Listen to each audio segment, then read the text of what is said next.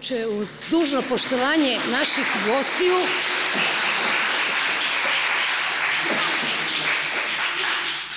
Dakle, uz poštovanje na gostima i zahvalno što ste došli večeras, moram da kažem ovaj, da nam Boban i Adam jako nedostaju. Mi smo ovde da zaokružimo nekih deceniju i po, pa možda i više, od prve parade 2011. godine, o kojima ne moram da vam govorim, pogotovo što su među nama organizatori tadašnjih događaja, kada je nastao linč na ulicama Beograda uz prisustvo vlasti, pa sve do ove godine kada imamo ta dva događaja koje mislim da na najbolji mogući način govore u kom su stanju prava naših sugrađana, pripadnika LGBT populacije.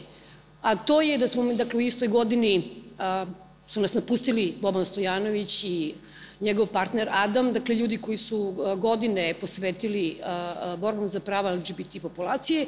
I s druge strane, dakle tražili su politički azil i bilo im je nemoguće da žive u ovoj zemlji, s druge strane smo dobili premijerku, do duše denuncirao je predsednik države za koju je dakle, jasno da je pripadnica LGBT populacije. Nama je sada zadatak ovde večeras da ustanovimo šta je tu šta je stvarno stanje stvari, iako je taj put izgleda veliki, dakle, nema pretnje batinama, nema desničarskih grupa, smanjilo se u ogromnoj meri taj jezik pogani koji su izgovarali političari, mitropoliti Srpske pravoslavne crkve, i imamo paradu za koju se nadamo da će proći bez svih rodova vojske i policije koji će da obezbeđuje paradu. E sad, Gorane, možda na početku odmah tebe da čujem, dakle, kako bi ti onda ocenio pomak koji tako izgleda kao što izgleda od 2001. do danas i šta su stvarni dometi ove borbe koje vi vodite već tako dugo? Ako poredimo sa 2001. godinom, da li postoji pomak? Da. Koliki je taj pomak? Pa mali. Ako gledam, kada sam ja počeo se bavim aktivizmom, dakle, to je bilo zabranjeno. 91. druge, treće je bilo, išlo si u zatvor do jedne godine ako si gej. U poređenju sa tom 90 nekom godinom postoji pomak. Ali da li smo mi morali da imamo četiri zabrane Prajda i ceo ovaj igrokaz koji smo imali, i Palmu, i Dveri, i Obraz, i 1.380, sve to što smo imali, da bi došli do toga da mi kao 2017. verovatno imamo jedan prilično miran Pride, uporediv sa nekim državama okolo, opet sa tom vojskom, mislim ne sa vojskom, sa policijom koja će, koja će biti, ovaj, mnogo manje verovatno, ali opet će je biti. čini mi se da, da prestaju ljudi da postavljaju pitanja zašto policije ima na ulici, a to jeste ono pravo pitanje, za koga, za koga je taj policija, pa nije za nas, mislim, mi nećemo nikog da bijemo, tučemo i tako dalje, i o, o, te grupe koje navodno prete, da li su one organizovane, koliko su organizovane, kako se to desilo, da 2010. imamo nekoliko hiljada takvih uh, organizovanih, veoma organizovanih ljudi i sad odjednom ovo je četvrta godina, nema, mislim, tri godine nismo imali, apsolutno nikoga na ulici, nijedan kamen nije poletao. Naprosto, to su sve neke nezamislive stvari koje su se desili. Meni je lično bilo nezamislivo da ćemo imati Pride koji je miran i ono što je meni kao pravniku možda bilo opet nezamislivo, desilo se i ne možete reći da to nije zasluga nekih prethodne vlasti, kogoda da su oni zabranjivali Pride i bilo, to su zakonske te zakonske garancije koje imamo. Mnogo zakona je doneseno za vreme DS-a koji je svašta grešio, ali nekako danas je kad pogledate zakone opet ta seksualna orientacija koja je u mnogo zakona, to je u tom periodu donesena. Nova vlast takođe donosi neke zakone, ne toliko puno, ali ona tri ključna zakona koje nama preostaju, vidimo da tu nema baš nekog, nema političke volje. Iskreno, svih političkih aktera će se pokazati kada sad budemo govorili o zakonu o registrovanim partnerstvima, to je sad obaveza Srbije. Taj zakon je već sad na stolu, Pride više nije, kako novinari kažu, nije više seksi, to je više sad kao, to se normalno dešava, to se više nikom nije zanimljivo.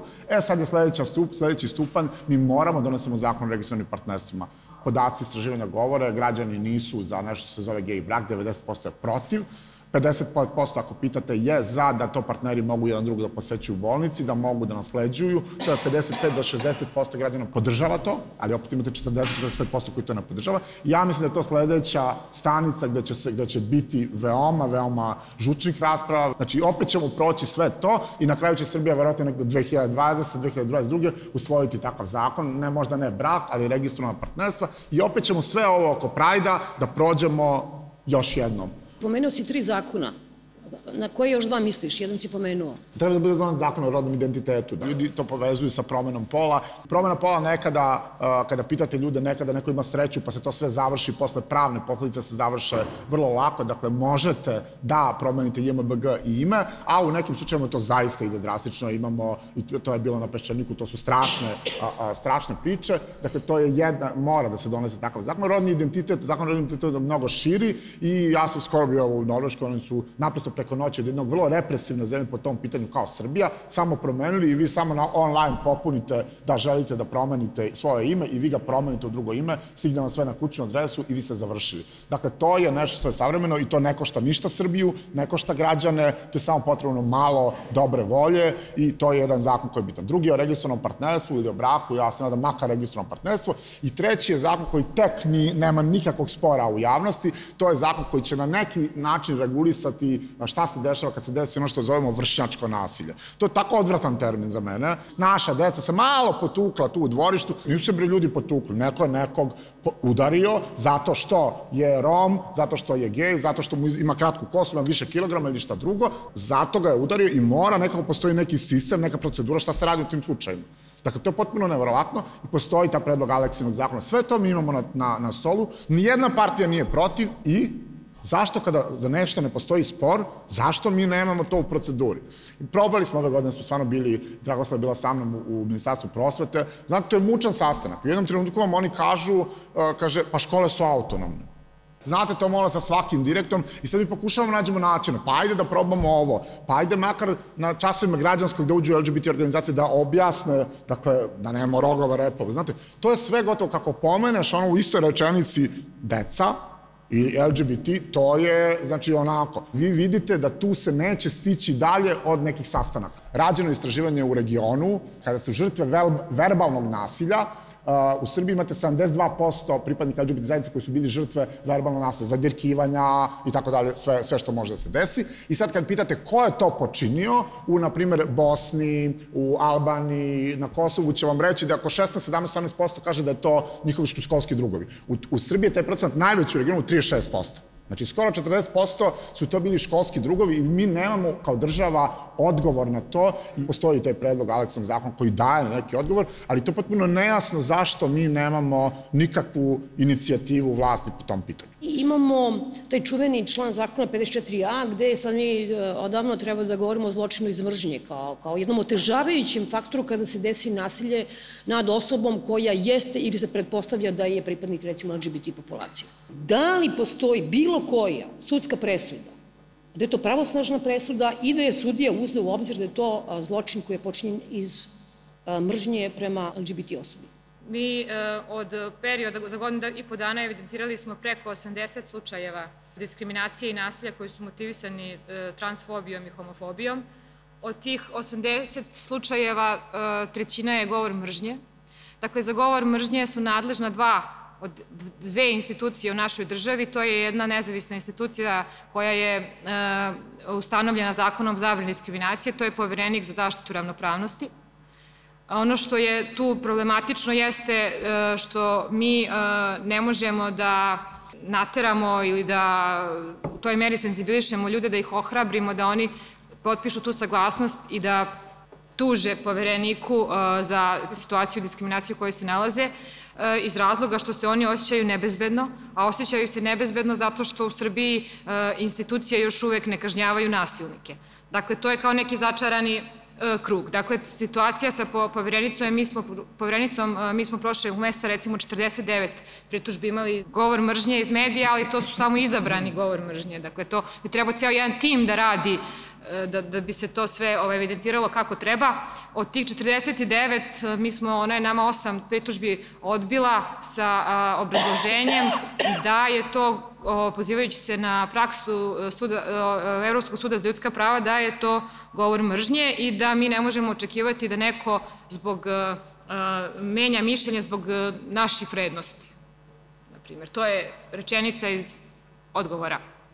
A onda sa što tu se dalje dešava, ona nama kaže, kad mi zakažemo sastanak, dajte mi neki konkretan slučaj, kao što recimo ne postoji rampa na filozofskom fakultetu za osobe sa invaliditetom, pa kao dajte mi, pa da li uh, ona kao institucija bi trebalo da zna koji, koji je procenat straha i da se ljudi ne osjećaju nebezbedno i da s tog razloga se institucija poverenice otvori i autuje se kao nehomofobična ka nama Dakle, da se, taj, da se ta odgovornost sa nas koji smo uh, LGBT, da se, se skine i da se uh, prebaci na institucije, da su oni ti koji su otvoreni, koji nisu homofobični, da bismo se mi opšte ohrabrili i, i tražili pomoć u tim situacijama.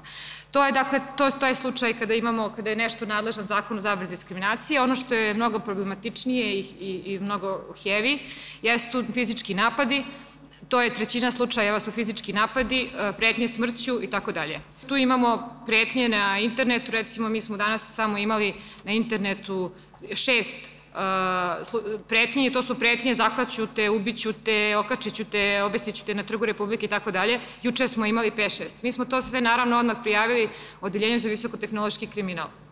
To se ništa ne rešava. Dakle, sve ovo što sam vam do sada ispričala se ne rešava. I imamo slučajeve koje, koji su pripadaju, za koje je nadležan za, krivični zakonik, Dakle, to su slučajevi ugrožavanja sigurnosti, e, znači sve ono što pada, potpada po krivično delo. Tu se dešava da se, da, da se uopšte to ne evidentira i da se ne utvrđuje motiv zbog koji je neko izvršio čin agresije ili diskriminacije, umesto da se utvrđuje motiv, e, policija, inspektori i tužilaštvo vode istragu u tom pravcu da se utvrđuje naš seksualni identitet ili rodni identitet. Pa tako imate situaciju da se ženi trans koja je preživela teško fizičko nasilje, pretili joj bacanjem smosla i tako dalje, no prilikom um, istrage družilac traži da ona donese potvrdu da je ona trans osoba. To je prvo kršenje zakona o privatnosti, dakle ne sme niko nas da pita i traži od nas da se izjasnimo. Ono što bi oni trebali da rade jeste da pitaju da li vi mislite da je možda napad motivisan homofobijom ili transfobijom. Dakle, to se još uvek ne dešava. Ja ovde u ruci držim, dakle, od tih 80 slučajeva imamo samo dve presude. Jedna, za jedno jedno je po zakonu zabrane diskriminacije, druga je krivična e, prijava, tužilaštvo, sud, apsolutno nisu uzeli u obzir postojanje 54a. Kada sam razgovarala sa advokatom koji je zastupao oštećenu u ovom procesu on se meni nasmijao kada sam ja pomenula 54a. Čovek mi se nasmejao i smejao mi se u slušalicu. Kaže, okrivljen je u celini priznao izvršenje krivičnog dela koje mu je optužen, kao optužba ostavljeno na teret. U svojoj odbrani on je potvrdio da je pratio oštećenog od diskoteke do šetačke zone, jer ga je iritiralo to što je oštećeni bio obučen u žensku odeću. Dakle, on je priznao, jasno je da je to motivisano e, e, mržnjom transfobijom, nije se pokajao, dakle, nije se pokajao i on je dobio godinu dana uslovno da pritom nije uzet u obzir, iako imamo sve elemente u presudi koja, koje ukazuju jasni indikatori da se radi o zločinu iz mržnje. E, onda smo mi, kada smo videli tu presudu, otišli u Republičko tužilaštvo i tražili da vidimo zašto tužilaštvo u zakonskom, ovaj, u, os, u osam dana nije uložilo prigovor na neadekvatno određenu kaznu. Dakle, to nije nešto tužilaštvo može i ne mora. Dakle, tužilaštvo mora da ukaže na postojanje 54, a u situaciji kada je to crno na velo ušlo u presudu čovek priznao, nema nikakve dileme da se radi o napadu iz transfobije. E, i sada recimo, mi, ja sam baš ovaj, nedavno imala sastanke sa tužilaštvom, ja moram tamo da zaboravim na svoj sve identitet, zato što ti ljudi verovatno nenamerno u roku tog sastanka koji traje sat i po vremena, ja bi deset pritužbi povrednici mogla samo da napišem šta su oni sve rekli ali ja to sve razumem, rasno mi je, ne znaju ljudi, ajmo da radimo. Evo, donesemo ovu presudu, ovo je presuda gde je prvostepeni sud rekao da je, učinjeno, da je učinjena počinjen čin diskriminacije, zato što je iz opštinskih odbora u Kuršumliji za vreme sednice došlo je do uh, povrede lično upućene, dakle da je, je taj predstavnik vlasti nazvao ili opozicije nazvao uh, jednog aktivistu bolesnim i tako dalje. I prvostepeni sud je doneo tu presudu, imao je tu neku novčanu kaznu i tako dalje i mi smo tamo rekli super, evo imamo jedan pozitivan primer po zakonu zabrane diskriminacije. Međutim, ja sam juče se čula e, sa e, oštećenim i on meni kaže, očajan ne zove, kaže Dragoslava, apelacijni sud vratio na, e, vratio prvostepenom. Apelacijni sud u Nišu. Eto. I sad, dakle, sve ovo traje tri godine. Ja sam mišljala ta suđenja, vodila sam dnevnik, zapisnike, E, stepen sekundarne viktimizacije je jeziv. E, vi sve vreme, e, dok traje taj proces, se suočavate, sedite ovako sa nasilnikom. Ponašanje tog nasilnika niko ne sankcioniše. Dakle, taj nasilnik se ponaša, on se nama unosi u facu, on nama dobacuje, on nama preti. To niko ne sankcioniše. U ovom slučaju ovaj, tog teškog fizičkog nasilja je, to je redak slučaj i ono što ja kažem u ovaj, tužilaštvu, vi treba da iskoristite, taj osoba je ima podršku roditelja, a to je izuzetno redko. Dakle, mi smo samo prošle nedelje imali dva izbacivanja starijih maloletnika iz kuće zbog autovanja roditeljima. To je vrlo redko. Dakle, mi treba da iskoristimo, da napravimo pozitivan primer od prijava. A procenat e, prijava, samo 36% je prijavljeno policiji, što znači da je 36% recimo da je pola podignuta krivična prijava. Dakle, to su poražavajući podaci. I onda mene kad neko pita, kad mi kaže, ja, imate premijerku, kao naš, sve to, ja, ja, ono, kažem, pa evo, za mene lično, meni indikator da li je meni život bolji i bezbedniji nije da li je Ana Brnabić e, kao lezbejka premijerka, za mene je to koliko je ljudi odgovaralo za nasilje koje su počinili nad nama. Dakle, onog momenta kada se u ovoj državi svi budemo jednaki, kad svi budemo bezbedni, u tom smislu da je zakon isti za sve, ja ću onda da kažem evo, mi smo ispunili taj nulti stepen pisma za neko civilizovano, naj, naj, najosnovnije, najosnovniji neki modul življenja. E, ti nasilnici e, se ne kaju kao što se taj nije kajao, to su vrlo eksplicitne e, uvrede i fizičko nasilje. Ljudi ne kriju da su homofobi i transfobi, Ali je problem onda ne samo policije koja ne evidentira nešto, nego kako će to imenovati. Koliko sam ja videla i kada, kada si ti bila izložena nasilju, to je tuča, to je uništavanje imovine, to je remećenje javnog reda i mira. Dakle, mi imamo u tom lancu policiju koja ne radi svoj posao kako treba, a onda nailazi nešto što je crna rupa u stvari, a to je tužilaštvo koje to karakteriše, a onda dolazimo do suda koji onda, zahvaljujući neradu i, kako da kažem, homofobičnosti i transfobičnosti policajaca, tužilaca, zapravo onda kaže ja nemam osnovu na, na osnovu koji bih mogao nekoga recimo da, da osudim. Već kad dođe do suda, mnoge stvari su kasne, jer je policija i tužilaštvo su zapravo bili bezočni. Pa 0,01% slučajeva dođe do, dođe do Evo, samo dva. Ovo su pri, školski primeri zločina iz mržnje. Dakle, to, nije, to nisu finese, to nisu detalji. Onda se nama tužilaštvo izvinjava kao, pa to su, kaže, oni meni kažu, to su greške slučajne. Kažem, nisu greške, to su jedina dva slučaja. Dakle, a, u, u mom slučaju, mislim, nažalost, u mom slučaju, zato, mislim, ja sam i počela da radim i da se bavim ove, zato što sam, kada se to meni desilo, bila potpuno uh, mislim, tela sam, shvatila sam šta je, gde su realni pro problemi. Onog momenta kada sam ja bila ovaj, u policiji, radili smo intervjue sa, sa, sa načelnicima e, policije u, u zajednici i završili smo te intervjue i onda je meni taj načelnik, onako kao da smo zajedno čuvali ovce, rekao, je li Barzut ili rekao Dragoslava, šta je sa onom tvojom tučom? I ja sam bila potpuno zatečena pitanjem. Za mene je to bilo potpuno mislim, srozavanje svih. Ja sam rekla, mislite onda kada su mene tukli sa moje tri prijateljice. Ono što je činjenica jeste da su to razlozi zbog koje ne postoji ta politič, famozna politička volja i čak i onda kada su zakoni svi na našoj strani. Negde sam pročitala da bi se jedan zakon počeo da se implementira da je potrebno pet godina.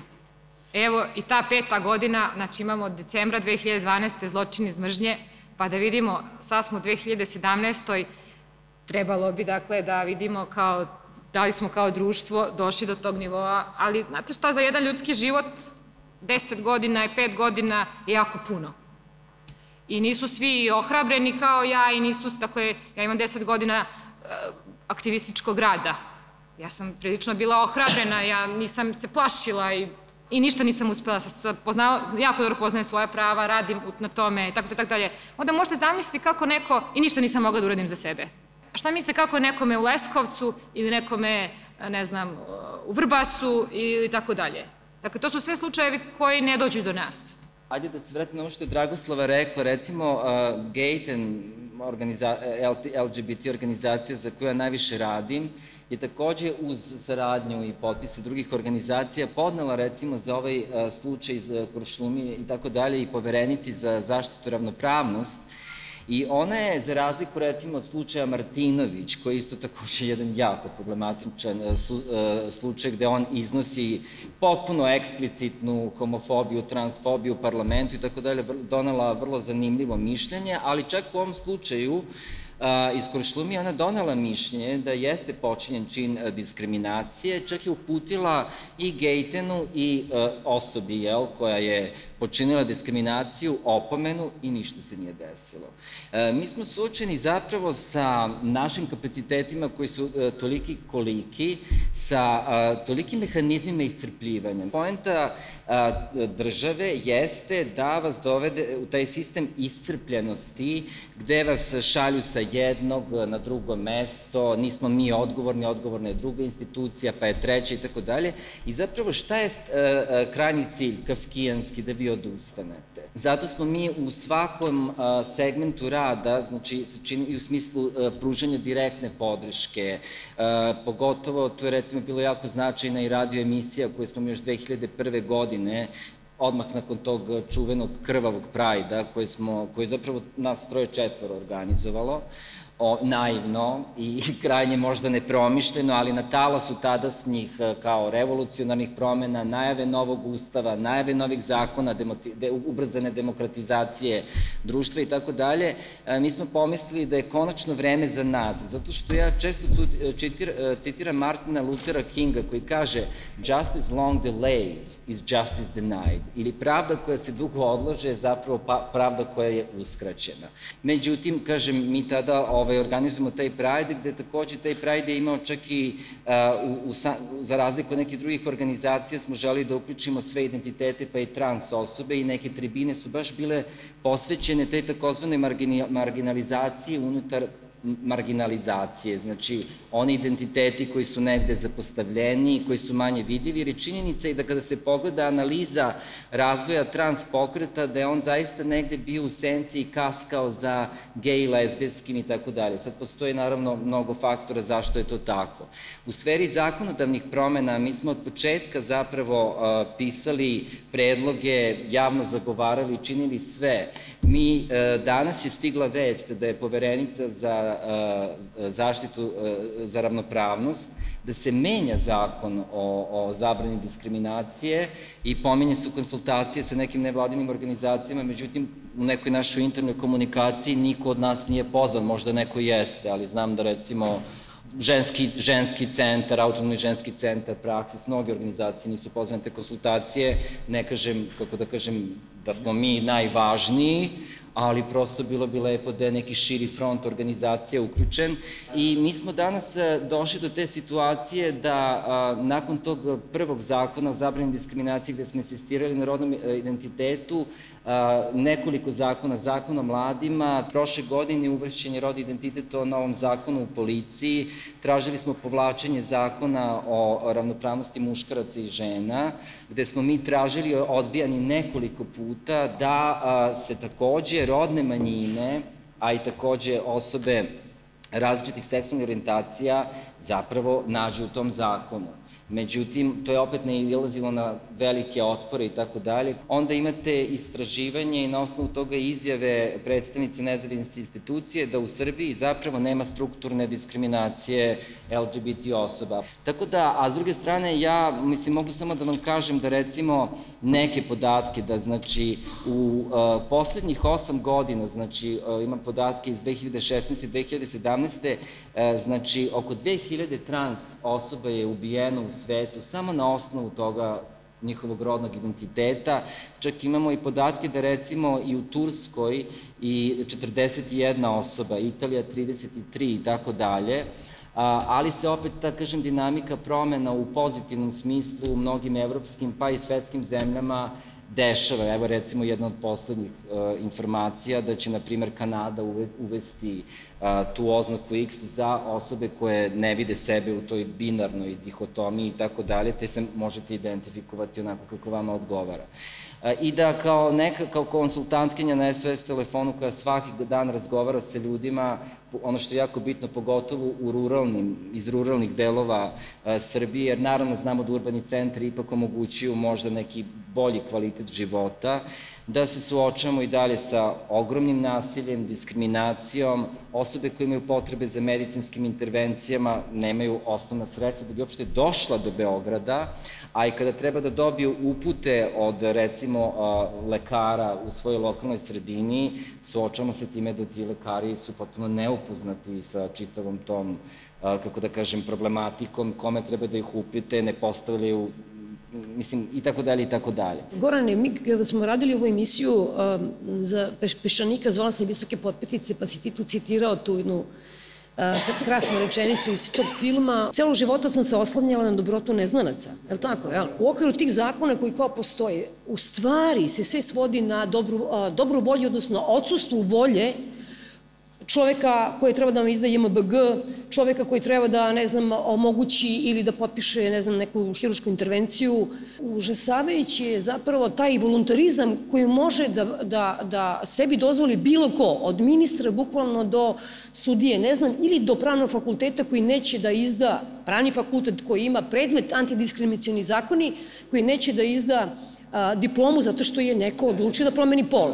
Sad sam pomislio, mi čitaš misli jer svo vreme da govora Dragoslava i Milan, ja pokušavam da se javim da upravo o, to, da o tome govorim i pokušavam da nađem dobru tačku odakle da krenem. Pa otprilike tačka ta odakle treba da se krene to je komunizam. Kada smo mi ovde živjeli u komunizmu, imali smo zabranu homoseksualnosti i mogli su nas trpaju u zatvor do jedne godine, negde do 59. do dve godine i uh, taj voluntarizam je išao dotle da taj zakon, to što imaš ti u zakonu, pa te vlasti nisu baš bile tako ovaj, revnosne u tome i sad ti, na primjer, imaš nekih 500 presuda i najviše od toga 300 je u Hrvatskoj i Srbiji. Poradijeći sa Nemačkom i sa nekim razvijenim evropskim zemljama koji imali stotine hiljada presuda Sad ti ovde imaš neki drugi zakon koji nas štiti, ali to sprovođenje zakona, mislim, može da bitno, ne mora da znači. Meni policajac hteo da naplati kaznu za nevezan pojas, on nadrdan onako kod dole kod stanice, samo što me nije udario. I onda odnese ličnu kartu tamo kod ovih da pišu kaznu i onda mu ovi kažu, vidi što ti je Miletić, valjda otkudan šta sam mu rekao, više, ovako, pa se pozdravlja onako, kaže, gospodine Miletiću, znate, mi moramo, ovaj, znaš onako, kada sam ga postrojio. Dakle, to, to su strašne stvari. Ja to neću. I želim da svako bude tretiran na isti način. To je ono što Dragoslav priča. Dakle, te stvari koje mi imamo kao privilegiju ovde, što smo možda malo vidljivi, što znamo te policajce, ovo ono, to ne znači ništa. Mislim da je greška da se kaže da su policajcima dovoljno obuke. Postoji taj zid da se dozvoli nevladinim organizacijama da rade obuke. Malo je toga radio Labris, malo je, ne znam, sada sam ja držao ovaj jedan trening u Kragujevcu, bilo njih 50. I naravno, čim je to naređeno, kad je potpisano, potpisao neko u MUP-u, da oni moraju da slušaju celo veče o tome, pa te pitaju i sad ti kažeš ja sam gej i onda oni kao, pitajte slobodno, znaš, on znam sad pitali nešto seksualno onako, ali kao neće, ajde, kao to. I sad ja njima objašavam sve te detalje i tako dalje i sad ti kad stvarno se oni malo opuste posle sat, posle sat vremena, ti možeš zaista pređeš na prave stvari da objašnjaš, a suština je toga što im objašnjaš vrlo jednostavna. Mi smo ljudi, mi smo građani kao i vi, vi imate, znaš, naprosto nemoj da tretiraš, uh, tretiraš drugi, ljude, ljude drugačije. Kod tužilaštva, kako vam kažem, dođe na sud, ona kaže, sudija kaže, je li ima tužilaštvo nešto kaže, a ona, ove, žvače, žvače, gleda telefon. Da priđe, znači mi smo oštećeni, pre suđena ti priđe nešto, kaže dobar dan, da se upoznamo, ja sam tužitelj tužilac, da se upoznaju pa pitaju nešto ili bilo šta. Znači mi smo kao na istoj strani. Oni tuže tog počinioca i mi smo kao tu svedoci i oštećeni. Pa majkom valjda, valjda je dobro da, da kao poprič. Ne, toga nema. E, onda imate sudiju, koji u stvari trebi treba da da to što se zove assess to justice, pristup pravdi. Imaš te dobre slučaje. Ali imaš i slučajeve da ti tačno vidiš da bi ona otišla na, na, na, na internet i napisala to isto. Osjećaš kad imaš neki hejt preko puta da je to, da je to neka mržnja i, ne, i, i predrasuda i netrpeljivost. Tako da taj pristup pravdi koji mi imamo od početka do kraja je vrlo neizvestan, neizvestan je za dosta građana Srbije, ali kada si, kada si uh, gej lesbika, to je, to je više. Ja sam zato prošle go, ove godine bio u raspravama koje smo imali isto ovaj, na raznim medijima, kada je bilo izbor uh, premijerke ovaj, uh, Brnabić, ja sam bio veoma, veoma jasan u tome. Dakle, to je super svaki, prvo, tako, svaka devojka ili dečak u malom mesu koji vidi da lezbejka premijerka ili njihova mama, tata i tako dalje, to jeste simbolički neki pomak i to vredi. Ali pitanje, jasno pitanje, da li će to unaprediti položaj LGBT zajednice i ovo što Milan govori i Dragoslav, da li će nama to se promeniti? Pa neće. Danas sam vidio primetbu jednu, kaže, pišete zahteve i ponavljate ih na, na TV-u.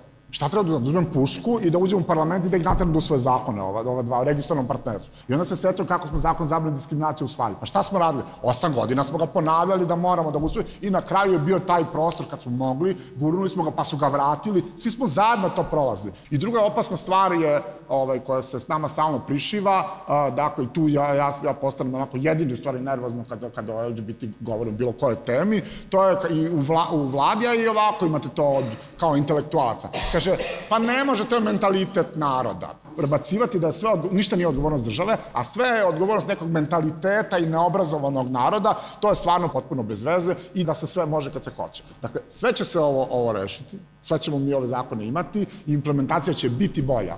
Pitanje je kada. Čini mi se da se stavlja prevelik teret na pojedinca. Ja ne vidim zašto bismo mi od bilo koga očekivali da bude neko nadljudsko biće. Znaš, Dragoslava je hrabra. I Dragoslava je rekla ja ću ome da se suprostavim. Ja to poštujem. Zašto bi svi morali da budu kao Dragoslava? I zašto bi trebalo da zavisi kako ćemo mi živjeti, o čemu ćemo mi živjeti, od toga da li je neko hrabar ili ne. I ako će sve da zavisi od pojedinaca, šta će nama država? Ako imamo državu, onda ona ima neke svoje zadatke, ima neke svoje obaveze prema nama kao građanima. Ja mislim da država mora da pošalje mnogo jaču poruku nego što je to da Ana Brnabić kao lezbejka postane predsednica vlade. Na simboličkoj ravni ja mislim da je to jako važno i tu se slažem sa Goranom. Ali u isto vreme recimo imamo Bobana Stojanovića i sad ne moramo da govorimo o Bobanu Stojanoviću kao konkretnoj ličnosti. On je takođe neka figura. I Ana Brnabić je figura. Mi o Ani Brnabić stvari kao konkretnoj ličnosti ne znamo ništa, niti ja želim bilo šta da znam o njoj. Ona je jedna politička figura. S druge strane, Boban je figura nekakvog aktiviste. U vreme kada Ana Brnabić postaje predsednica vlade, Boban odlazi iz ove zemlje kao aktivista za ljudska prava, za ljudska prava jedne određene grupe, odlazi jer je shvatio da je njegova borba iz njegovog ugla, onako kako je on doživeo, bila uzaludna. On odlazi kao poražena osoba, a Ana Brnabić dolazi kao pobednica tog procesa koji je možda započeo 2001. godine. Kako to država može da uradi? Koja je to poruka koju država može da pošalje, a da ona zaista zvuči ozbiljno? Gde to država ulazi zaista u tkivo društva i menja stvari? Uvedite to u škole. Uvedite to u obrazovanje. Postavite tu priču obrazovanje. Dajte nam priče u kome se muškarci zaljubljuju muškarce, žene se zaljubljuju žene. I neka to budu priče u školskoj lektiri. Ima takvih priča. Ima recimo taj roman kome, za koji ja mislim da bi bio odličan za školu, on se zove Pomoranđe nisu jedino voće. I tu roman govori o odrastanju jedne devojčice koja u jednom trenutku shvata da je lesbejka, zaljubljuje se u drugu devojčicu, oni imaju jednu aferu ljubavnu, ta afera se završava relativno tragično, ali se pronalazi nekakav izlaz iz svega toga, to je odlična priča za školu. Deca mogu s tim da se identifikuju, jer je to priča o jednoj pobunjenici. Ta preferencija njena seksualna je samo jedan od elemenata u njenom karakteru. Ona je zapravo kao karakter mnogo komplikovanija. Inače to, da svodimo ljude na njihovu seksualnu orijentaciju, meni je to nepojmljivo. I da povezujemo seksualnu orijentaciju sa nečim političkim opredeljenjem. E ta knjiga bi recimo mogla decu to da nauči. I da deca o tome razgovaraju, da vide šta je to i da nekako im to postane bliska priča. Da li mi imamo državu koja je spremna da uradi jedan takav korak? Ne. Zašto nemamo? I ja, recimo, bilo mi je zanimljivo sada kada, kada, kada pominjete ove procese pred sudovima i kada pominjete ove nasilnike. Oni se svi, ja ne znam da li, možda ja grešim, moj utisak je da se oni svi ponašaju kao žrtve. I ti policajci se ponašaju kao žrtve, i ti nasilnici se ponašaju kao žrtve, i te sudije se ponašaju kao žrtve. Zašto su oni žrtve? Oni se ponašaju kao žrtve jer ste se vi usudili da narušite njihovu sliku sveta. Vi ste za njih nasilnici, zato tebi policajac kaže da se ti tučeš. Nisi ti nikoga udarila, ali ti si njemu narušila njegovu sliku sveta, ti u njegovom svetu ne treba da postojiš. Taj nasilnik, koji ja mislim da je najobičniji nasilnik i da nema on nikakvu sekundarnu kontemplaciju jeli onome što je uradio, ali on će vrlo brzo da prepozna da je to način da se odbrani. Da on kaže, ali ja sam štitio naše tradicionalne vrednosti. Zato što naša tradicija to ne priznaje. Mi nemamo, to nije vidljivo u našoj tradiciji, što naravno nije tačno. Jer ti možeš da uvedeš iz tradicije, ima čitav niz, recimo, epskih narodnih pesama gde žene preuzivaju na sebe muške uloge, oblače se kao muškarci, zavode druge žene. I to je sve u našoj narodnoj epskoj poeziji. Zašto te pesme nisu u školskom programu? Zašto? To bi bila najjača poruka. Da država zaozme jasan stav i dođe da tamo gde se društvo strukturira na najdublji mogući način.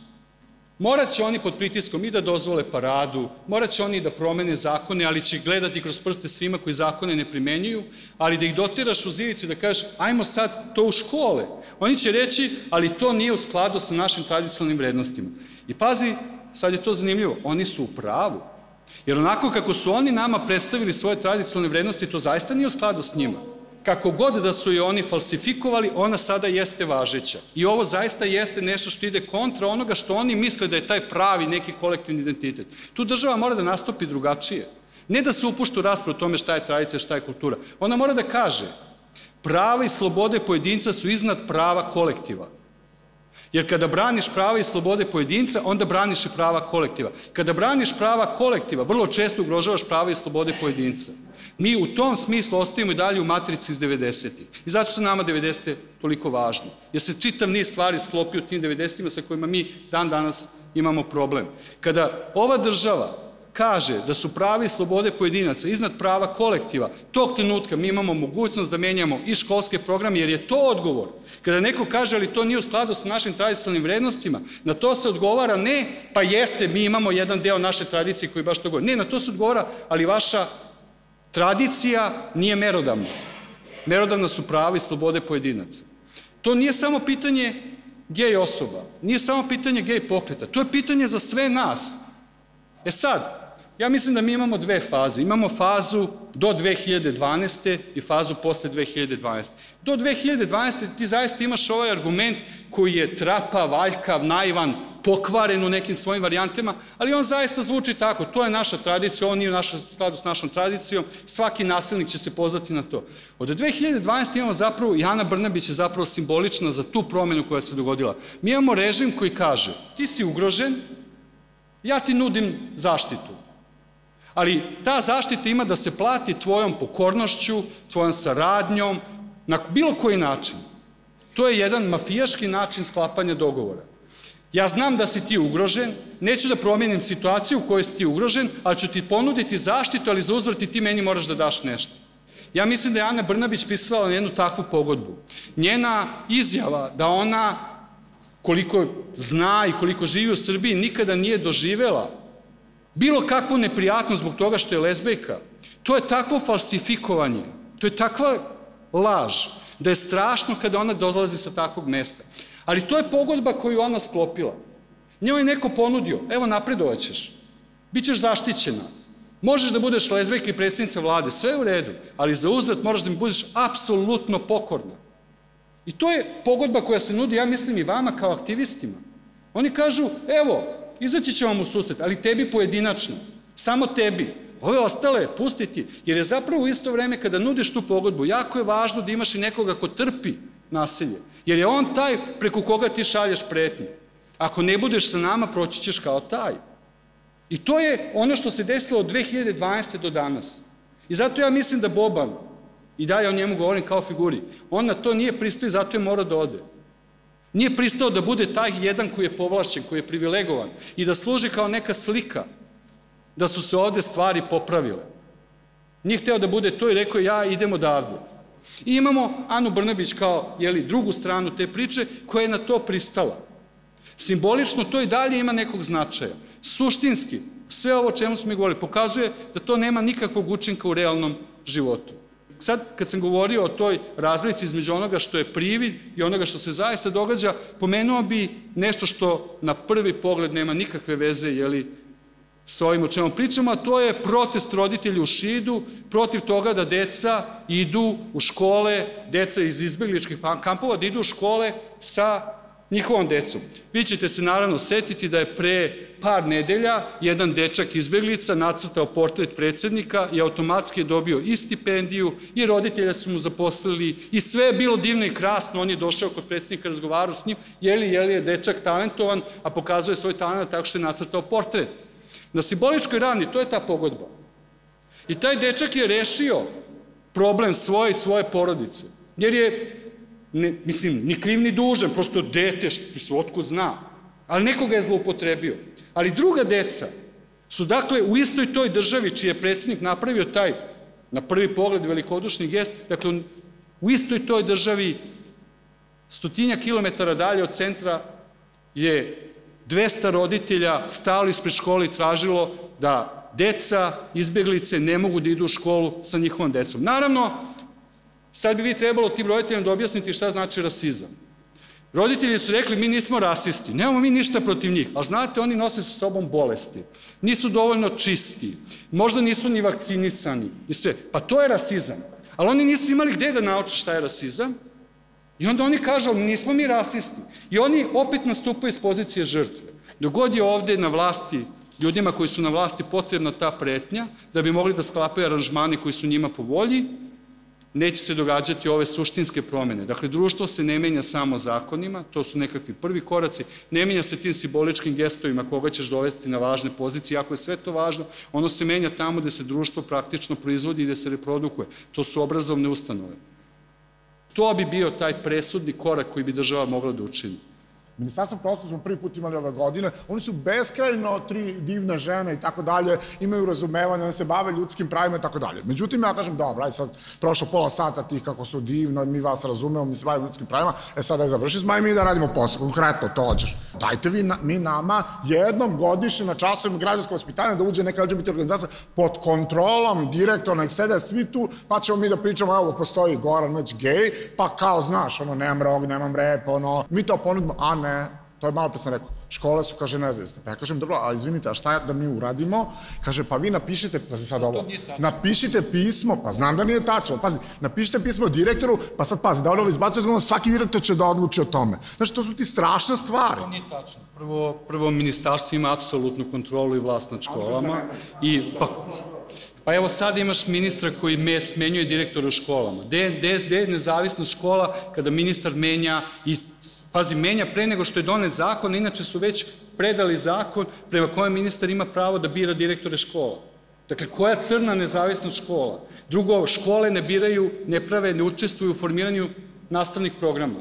To se radi iz jednog centra. Dakle, nije tačno, sve laže. Ljudi, vi shvatate, ja to stalno ponavljam na pečaniku, da progresa vezano za ljudska prava u Srbiji nema. Dakle, nema ga. I u toj situaciji kad ti nemaš ništa, ti imaš birokratiju EU, njima treba nešto da predstave kao makar, zato što je sve fokusirano na Kosovo i na, na stabilnost i na Kosovo, i sad nešto da pokažeš da u toj zemlji makar nekako ta ljudska prava nekako postoje. I sad kao ako je policije ovaj, bilo one godine 7000, 2014. pa je bilo 6300, pa je 4500 prošle godine, pa će godine bude 2000, to ti je progres. Dejan je rekao da je Boban, da je Boban otišao, e, govorio u stvari o nepristojnim ponudama, mafijaškim ponudama. Koja je njemu prelila čašu su upravo te nepristojne ponude koje smo ja on dobili. Nije bitno od koga, ali to je bilo vrlo otvoreno i vrlo eksplicitno. Šta? Uđeš u vlast. Da, dobro. Neko uđe, neko uđe, evo Boris je, Boris je postao, izašao, žao mi je, on je postao savjetnik u ministarstvu državne upravu i lokalnu samupravu, savjetnik Branka Ružića. Meni je to ponuđeno, nisam hteo. I što se tiče huligana, poslednja stvar. Dakle, kada pričamo, desi se Pride, I mi pričamo s ovim policajcima, ovo što sam pomenuo, malo prvo stoje na polju i ja kažem, dobro, kao, završi se Pride, kao, pa prošlo sve dobro. Oni kažu ovako, pazi, oni, oni odakle joj, Gorane, dobro je. Znaš šta, neobično nam, kaže, baš nijedan kamen negde tamo u Borči nije poletao. To ti govori, brate mili, da ti iz 2010. negde nešto mora da je, kako kažem, organizovano i da to ako zatreba, To je ta pretnja koja vi se Dobro, oni su nama To je ta zabranjivali pretnja pravo. koja to ucenjuju.